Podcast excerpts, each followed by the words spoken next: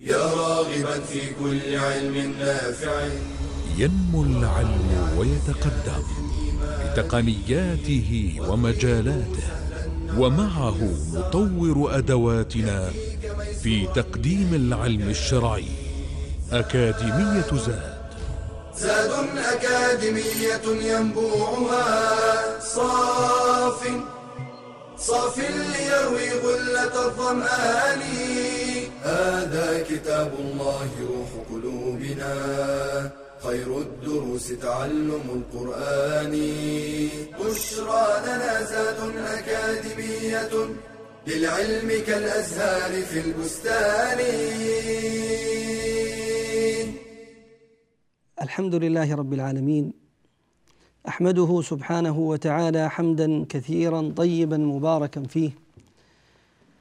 وأصلي وأسلم على سيدي رسول الله. اللهم صل وسلم وبارك على عبدك ورسولك محمد وعلى آله وأصحابه أجمعين. سبحانك لا علم لنا إلا ما علمتنا إنك أنت العليم الحكيم. اللهم علمنا ما ينفعنا وانفعنا بما علمتنا وزدنا علما. ما شاء الله كان. ونعوذ بالله من حال أهل النار. اللهم لا سهل إلا ما جعلته سهلا وأنت تجعل الحزن إذا شئت سهلا. اللهم ارزقنا الإخلاص والتوفيق والقبول والعون إنك ولي ذلك والقادر عليه. ثم أما بعد أيها الأحبة الكرام السلام عليكم ورحمة الله وبركاته. أهلا وسهلا ومرحبا بكم أيها المباركون في هذا اللقاء المتجدد معكم ونحن نعيش وإياكم مع كتاب الله تبارك وتعالى كتاب الله خير جليس ونعم الأنيس ونعم الأنيس. فوالذي نفسي بيده ما جلس معه عبد إلا آنسه الله تبارك وتعالى. وما كان أنموذج حياة لمرء إلا وأحياه الله تبارك وتعالى حياة السعداء. وأماته ميتة الأتقياء وكان بين يدي الله عز وجل حميدا سعيدا وكان في جنة الرحمن تبارك وتعالى مع الأنبياء والصديقين والشهداء. أسأل الله عز وجل أن يجعلنا وإياكم من أهل القرآن الذين هم أهل الله وخاصته. أيها الأحبة الكرام في هذا اللقاء سنبدأ الحديث بمشيئة الله تبارك وتعالى عن سورة جديدة من سور الجزء الثلاثين من كتاب الله تبارك وتعالى. هذه السورة هي سورة التكوير سورة التكوير.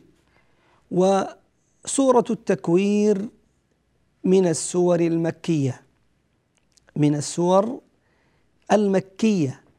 وقلنا أن السورة المكية هي ما كان نزولها قبل هجرة النبي صلى الله عليه وسلم على القول الصحيح سواء نزلت في مكة أو في غير مكة.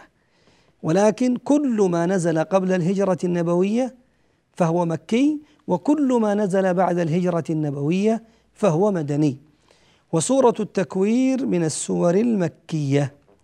ودل ذلك أيضا أو دل على مكيتها تلك الخصائص الموجودة فيها والتي تختص بها السور المكية من تأسيس عقيدة كعقيدة الإيمان باليوم الآخر وترسيخ صدق النبي صلى الله عليه وآله وصحبه وسلم في كون هذا القرآن من عند الله تبارك وتعالى. والحديث عن اليوم الآخر تفصيلا وغير ذلك من خصائص السور المكية التي ضمنت هذه السورة شيئا منها. هذه السورة المكية أيها المباركون نزلت كما قال بعض أهل العلم بعد سورة الفاتحة بعد سورة الفاتحة ونزل بعدها سورة الأعلى أي أنها بعد سورة الفاتحة وقبل سورة الأعلى. عدد آياتها تسع وعشرون آية وأما كلماتها فمئة وأربع آيات. مئة وأربع كلمات عفوا. مئة وأربع كلمات وأما حروفها فخمسمائة وثلاثون حرفا. ذاك هو عد الإمام الثعلبي رحمه الله كما ذكر ذلك في تفسيره. جاء في فضل هذه السورة المباركة قوله صلى الله عليه وسلم من سره من سره كما في حديث عبد الله بن عمر من سره أن ينظر إلى يوم القيامة كأنه يشاهده يراه بعينه فليقرأ إذا الشمس كورت وإذا السماء انفطرت وإذا السماء انشقت. فبدأ عليه الصلاة والسلام بهذه السورة المباركة أعني سورة التكوير لأن الله تبارك وعز وجل افتتح هذه السورة افتتح هذه السورة بقوله تبارك وتعالى إذا الشمس كورت هذه السورة المباركة أيها الأحبة الكرام من السور التي اهتم الله تبارك وتعالى في بدايتها بذكر تفاصيل أهوال يوم القيامة. بذكر تفاصيل ما سماه أهل العلم بأهوال يوم القيامة. بل ذكر الله تبارك وتعالى في مقدمة هذه السورة اثنا عشر أمرا من تلك الأهوال العظيمة التي تدل على عظم ذلك اليوم. وخطر ما سيكون فيه. بل جعلها الله تبارك وتعالى كالأقسام يقسم الله تبارك وعز, وعز وجل بها وذكر بعد ذلك جواب القسم في قوله عز وجل علمت نفس ما أحضرت. ابتدأ الله تبارك وتعالى فقال إذا الشمس كورت. متى يكون هذا؟ بعد النفخ في الصور. إذا نفخ إسرافيل عليه السلام مؤذنا ببداية قيام الساعة وبداية عالم آخر هناك ستبدأ تلك الأهوال وأولها تكوير الشمس. هذا الجرم العظيم الذي جعله الله تبارك وتعالى يسبح في هذا الفضاء. هذا المشعل الرائع الذي جعله الله تبارك وتعالى منيرا لهذا الكون الفسيح الذي نعيش فيه. في كل يوم يتبدى علينا فإذا تبدى ملأ الكون بضيائه وملأ الأرض بإشراقه وعمت الوجود حرارته ودفئه. هذه الشمس التي تعتبر نجما من تلك النجوم العظيمة الموجودة في هذا الملكوت في ذلك اليوم ستكور. تكور بمعنى تلف فيجمع بعضها على بعض أو مع بعض. يجمع بعضها مع بعض مما يؤدي إلى ذهاب ضوئها. تأمل هذا النور العظيم الذي ينتج عن تلك الانفجارات الهائلة التي تحصل على يعني سطح الشمس كل ذلك في ذلك اليوم العظيم ينتهي. كأن شيئا لم يكن. فالحق تبارك وتعالى يكورها يلفها يجمع بعضها إلى بعض حتى يذهب هذا الضوء. ومنه قولهم كور العمارة أو عفوا كور العمامة. إذا كورت العمامة. ومثله قول النبي صلى الله عليه وسلم في استعادته بربه اللهم إني أعوذ بك من الحور بعد الكور. اذا الكور هو اللف والجمع وهو دليل وإيذان بذهاب ضوء الشمس واختفائه فلا يبقى لها أثر في ذلك اليوم العظيم فيذهب بها. وإلى الفاصل إن شاء الله. بشرى لنا زاد أكاديمية للعلم كالأزهار في البستان.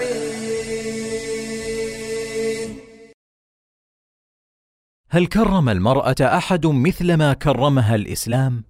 فالنساء شقائق الرجال وإنما خصت المرأة ببعض الأحكام كإعفائها من الجمع والجماعات مراعاة لأنوثتها لا تحقيرا لها. فللمرأة حقها في التعليم. وقد خصص النبي صلى الله عليه وسلم درسا لتعليم النساء. ولا يمنعها الحياء من طلب العلم. قالت عائشة رضي الله عنها نعم النساء نساء الأنصار. لم يكن يمنعهن الحياء أن يتفقهن في الدين. والتعليم حق للمرأة على أبيها وزوجها. عن علي بن أبي طالب في قوله تعالى يا أيها الذين آمنوا قوا أنفسكم وأهليكم نارا وقودها الناس والحجارة. قال علموهم وأدبوهم وتعلم المرأة زوجها إن كانت أعلم منه. قال النبي صلى الله عليه وسلم لأبي رافع حين علمته زوجته بعض الأحكام. يا أبا رافع إنها لم تأمرك إلا بخير. والتاريخ الإسلامي زاخر بالنساء العالمات المعلمات. كعائشة أم المؤمنين. قال عطاء بن أبي رباح كانت عائشة أفقه الناس وأعلم الناس وأحسن الناس رايا في العامة. ومنهن عمرة بنت عبد الرحمن الأنصارية. وحفصة بنت سيرين البصرية وفاطمة بنت عباس البغدادية فتعلمي واعملي وأبشري قال تعالى ومن يعمل من الصالحات من ذكر أو انثى وهو مؤمن فاولئك يدخلون الجنه ولا يظلمون نقيرا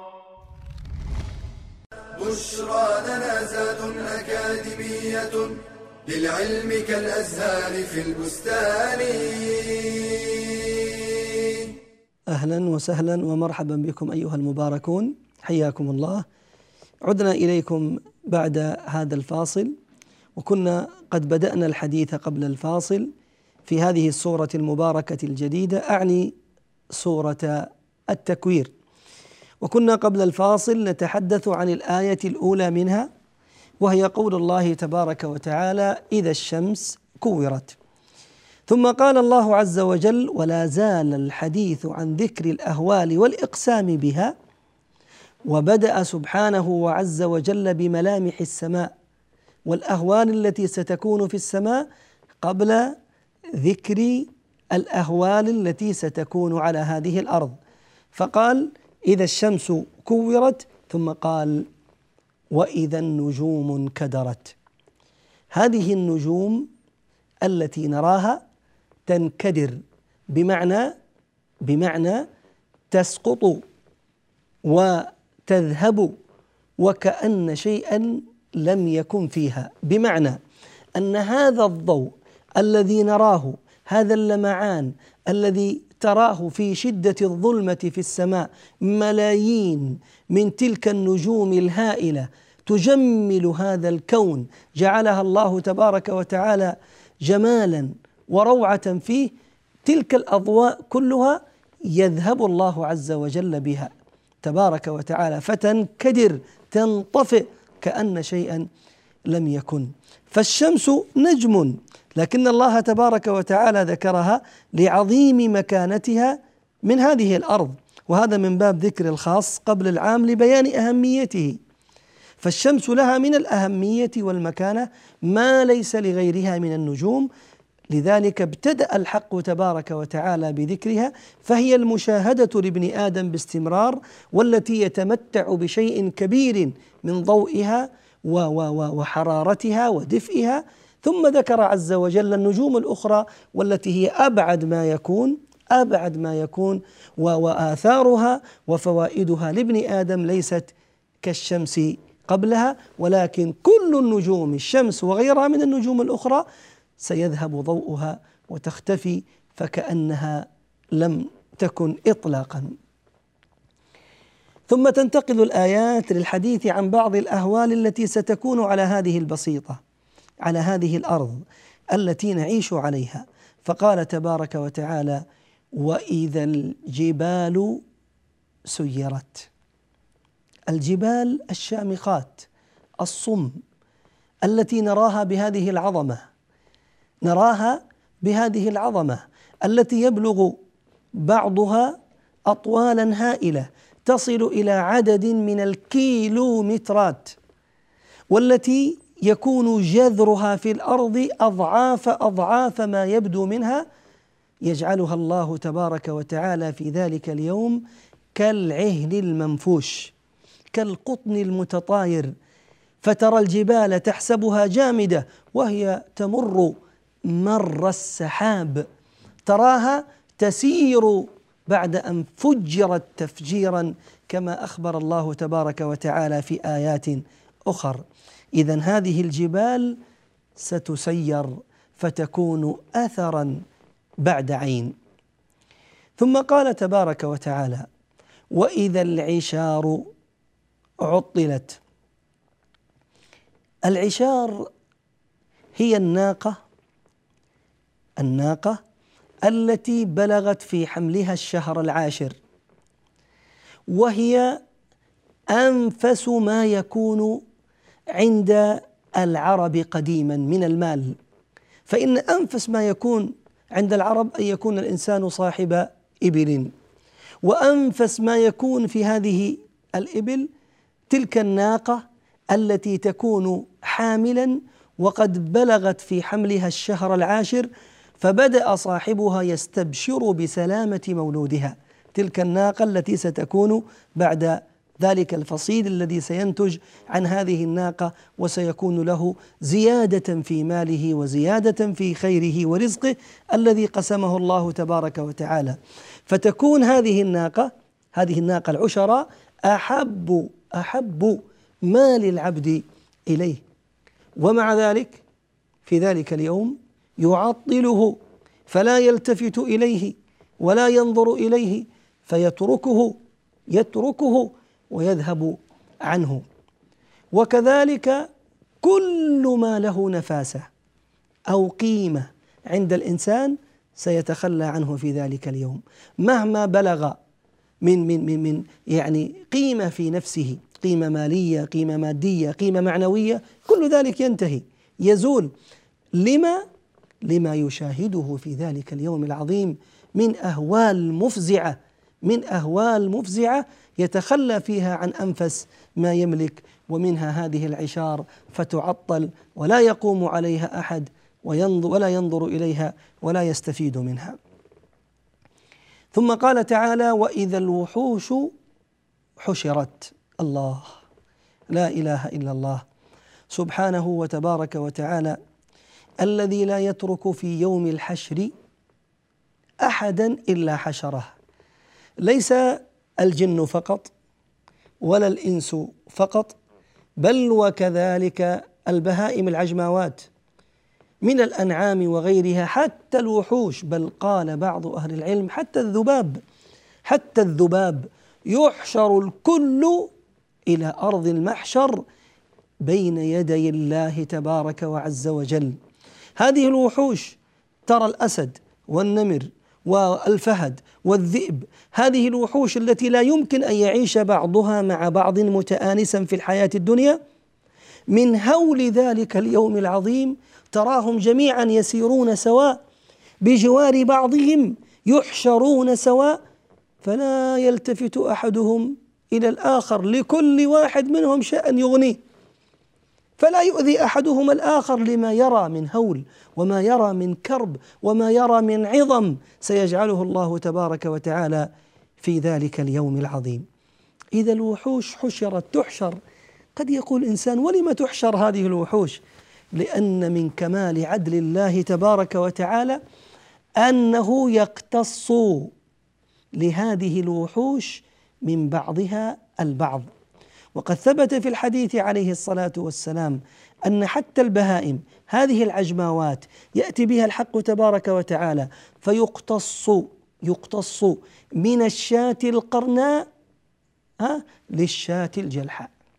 الشاة التي لديها قرون في الدنيا فضربت تلك الشاة التي لا قرون لها يأتي بهما الحق تبارك وتعالى يوم القيامة فيقتص من الشاة القرناء للأخرى. فيأخذ حق تلك الضعيفة من تلك القوية التي استقوت عليها بما أعطاها الله تبارك وتعالى من قوة في الحياة الدنيا. هذا بين الحيوان.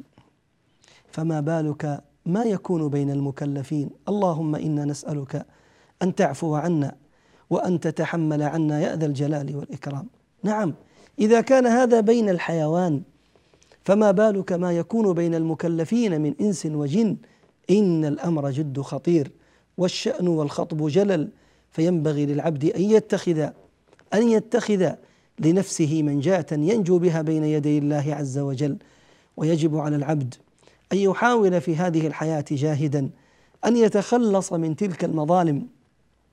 حتى إذا وصل بين يدي الله عز وجل يجد نفسه نقيا سالما. أحبتي إن توبة العبد بين يدي ربه تبارك وتعالى تنجيه من تلك المظالم التي ظلم بها نفسه فيما بينه وبين الله تبارك وتعالى. ولكن حقوق العباد تحتاج تحتاج إلى أن ترد إلى أصحابها.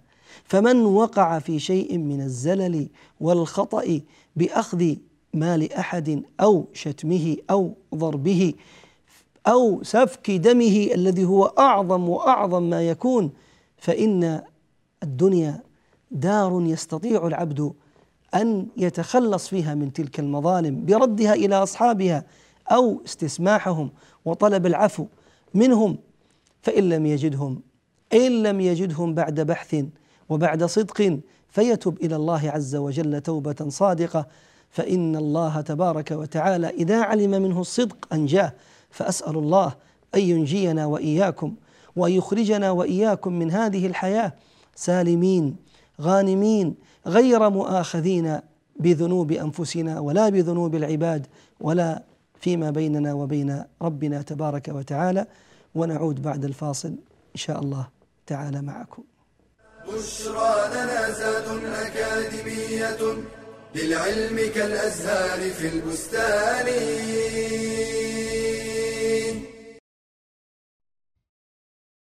رسائل نصية. أنزلها الله إلينا تتوقف عليها سعادتنا.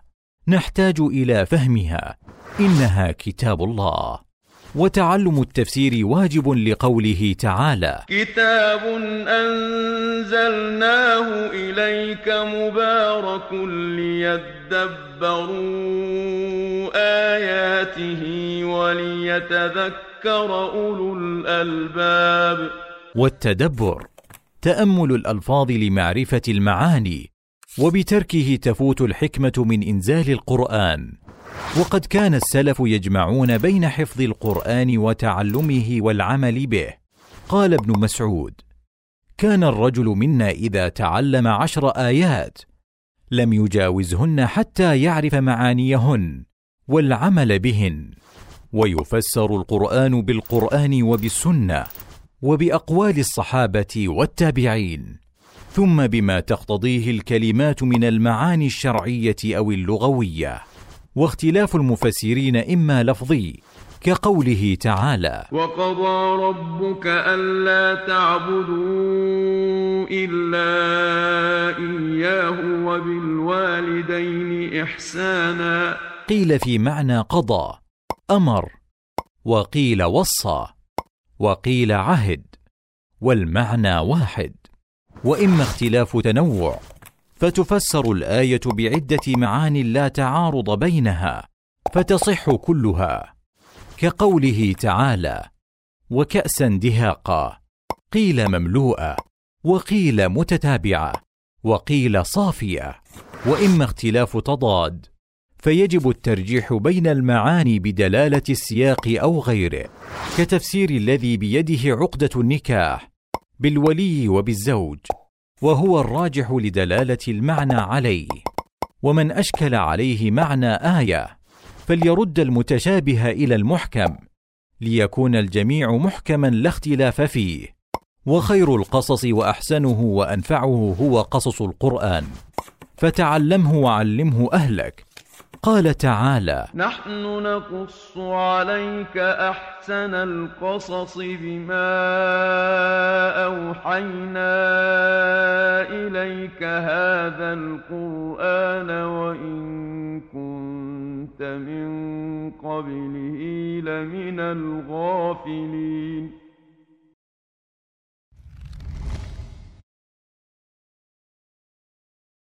بشرى لنا زاد أكاديمية للعلم كالأزهار في البستان.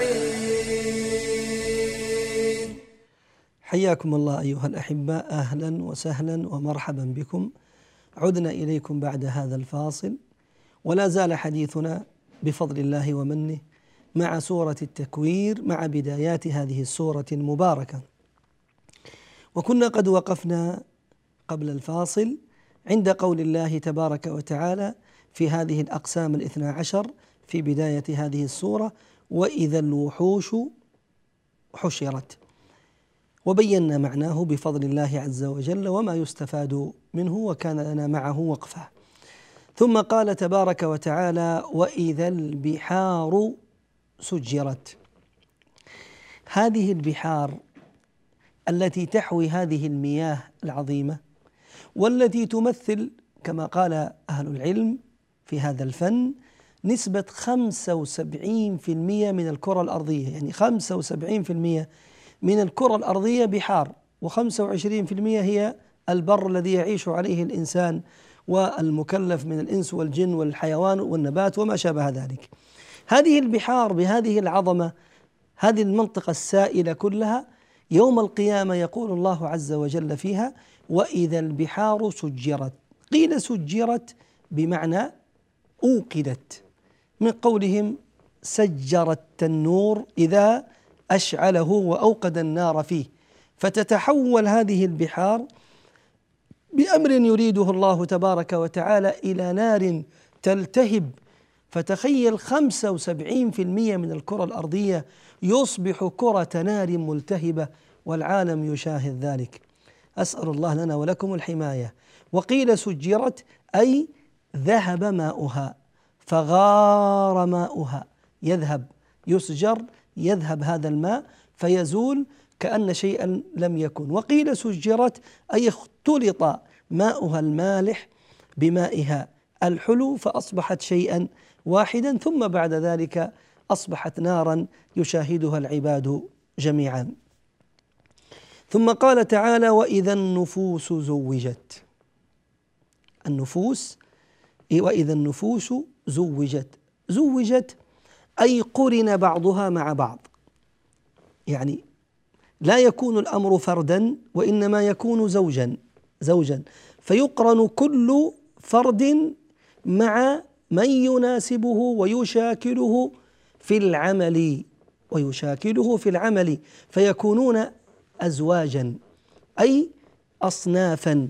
فكل صنف يكون مع الصنف الذي هو منه فأهل الإيمان مع أهل الإيمان وأهل النفاق مع أهل النفاق وأهل الكفر مع أهل الكفر وهكذا وهكذا. فتزوج هذه النفوس فيصبح كل مخلوق مع صنفه الذي يناسبه عياذا بالله. أسأل الله أن يجعلنا وإياكم مع أهل الإيمان. وقال ثم قال تعالى وإذا الموءودة سئلت. الموءودة هي تلك الطفلة التي وئدت في صغر في صغرها. نحن نعرف أيها الأحبة الكرام أن بعض قبائل العرب كانت لا تحب أن يكون مولودها أنثى. كما قال تعالى واذا بشر احدهم بالانثى ظل وجهه مسودا وهو كظيم يتوارى من القوم من سوء ما بشر به ايمسكه على هون ام يدسه في التراب؟ نعوذ بالله. هكذا كانت حياتهم هكذا كانت نظرتهم لهذه الأنثى. نظرة سوداوية تشاؤمية سيئة وما ذاك إلا خوفا مما كان في مجتمعهم من غزو القبائل بعضها لبعض فكانت القبائل تغزو بعضها لبعض ثم يقومون بأسر هؤلاء الفتيات. فقد يكون سيد القبيلة ممن أسرت زوجته بنته أمه قريبته فيظل يعير بذلك طيلة الدهر عياذا بالله. فكان هذا من الأسباب التي يكرهون من أجلها أن يلد لهم الإناث. وكان إذا ولد الولد يستبشر ويفرح بذلك لما سيكون منه من عون ونصرة وقيادة ودفاع عن والده وأسرته وقبيلته إلى غير ذلك. فكان بعضهم عياذا بالله إذا حانت ساعة ولادة زوجته جاء بها فأخرجها إلى إلى إلى مكان خارج المنزل نصب لها الخباء ثم حفر لها حفرة تحتها تلد على طرف على طرف هذه الحفرة. فإن كان المولود ذكرا أخذ وبشر به فسر واستأنس وإذا كانت الموؤودة أنثى وضعها في تلك الحفرة التي حفرها والتي ولدت أمها على شفيرها ثم تدفن عياذا بالله فورا. فسميت موؤودة لأنها يحفر لها وتوأد أي يهال عليها التراب فتدفن عياذا بالله سواء ساعة ولادتها أو بعد ذلك. لكنهم كانوا يفعلون ذلك أعني بعض قبائل العرب. وإن كان في العرب من كان مشهورا بإحياء الموؤودة. يعني آه، زيد بن عمرو بن نفيل وغيره ممن كانوا قد اشتهروا بإحياء الموؤودة. فإذا علم أن هناك شخصا ولدت له أنثى لا يريدها كان يسارع لأخذها وتربيتها وإحيائها. فكانت فيهم هذه الشيمة أيضا في بعض قبائل وأفراد العرب. فالله عز وجل يقول وإذا الموءودة سئلت تسأل هذه الموءودة عن ماذا تسأل؟ قال بأي ذنب قتلت. ما هو ذنبها؟ ما هو الذنب الذي من أجله قتلت؟ هي أصلا ربما تقتل وليس لها من من من الولادة إلا ساعة أو ساعات أو أيام أو سني لم تبلغ أصلا لم تبلغ الحلم ولم تكن مكلفة. فبأي ذنب قتلت؟ إنه ذنب كونها أنثى مع أنها لا دخل لها في ذلك. فالذي كان له السبب بعد إرادة الله عز وجل ومشيئته في ذلك هو هذا الأب الذي قذف تلك النطفة في رحم تلك المرأة فعن طريق تلك النطفة تكون ما شاء الله تبارك وتعالى أن يتكون من ذكر أو أنثى. فليس لها من دخل ليفعل بها مثل هذا الأمر وتجنى عليها هذه الجناية السيئة عياذا بالله. فذكر الله عز وجل أنها في ذلك اليوم ستسأل عن الذنب الذي من أجله قتلت. ثم انظر كيف أن الله تبارك وتعالى لا يوجه هذا السؤال إلى أبيها إلى قاتلها تحقيرا لشأنه تحقيرا لشأنه وخطره وعظيم جرمه.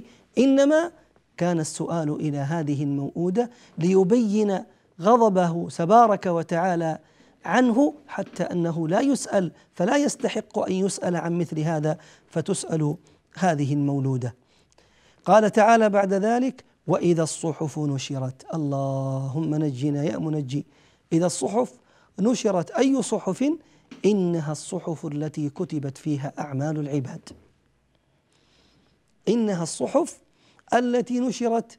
هي الصحف التي كتبت فيها أعمال العباد. تنشر بين يديك يا عبد الله. أين الفرار؟ تنشر هذه الصحف بين يديك فترى كل ما عملت في هذه الحياة. من خير ومن شر.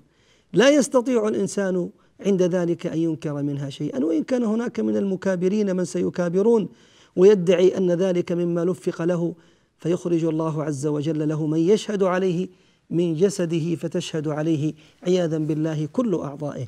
لكن هناك ملائكة يسطرون يسجلون كل صغيرة وكبيرة في تلك الصحف التي ستنشر بين يدي الله تبارك وعز وجل فاحرص يا رعاك الله. أن يكن ما ينشر لك في ذلك اليوم من صالح عملك مما يسرك مما تحب أن تسعد به وأن تكون به من أهل الإيمان جعلني الله وإياكم منهم. ثم قال تعالى وإذا السماء كشطت. يعود تبارك وتعالى مرة أخرى للحديث عن السماء وأنها ستكشط أي ستنزع ككشط الجلد. وكشطت يدل على مدى القوة التي ستستخدم من أجل قلع ونزع هذه السماء وهو الكشط الذي ذكره الله تبارك وعز وجل. ثم قال تعالى وإذا الجحيم سعرت أوقدت فزيد فيها.